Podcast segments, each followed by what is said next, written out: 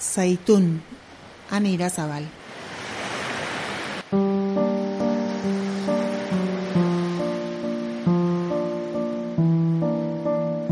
Alemaniak eun urte behar izan ditu Namibian genozidio bat burutu zuela aitortzeko eta barkamenak eskatzeko. Eun urte, belaunaldi gehiegi. Alere beste batzuek ez bezala bere basakeriak onartu ditu eta iraganeko lotxak biztaratu.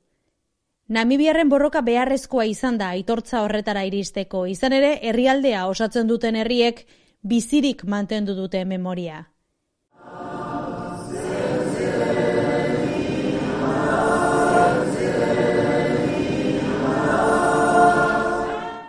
Emeretzigarren mende amaieran eta hogeigarren mende hasieran, Alemaniako inperioak sarraski itzela burutu zuen bere kontrolpean zegoen Namibian.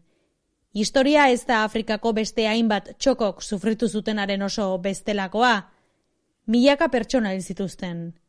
Namibiarren kasuan, larogei mila eta un mila artean.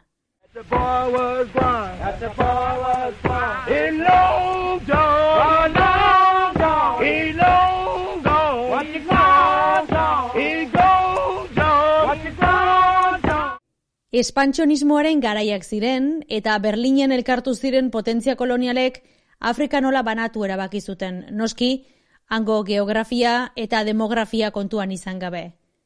Kontinenteko mugak ikustea besterik ezago erregela bidezko fikziozko lerroek osatzen dutela ohartzeko.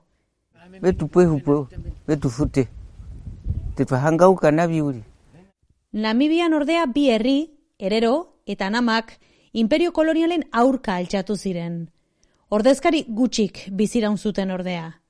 Alemaniako soldaduek zapaldu egin zituzten, gehienak akabatu, eta beste asko, omajeke desertuan egarriz hiltzera bidali. Eta indarkerien artean isilduena emakumeena.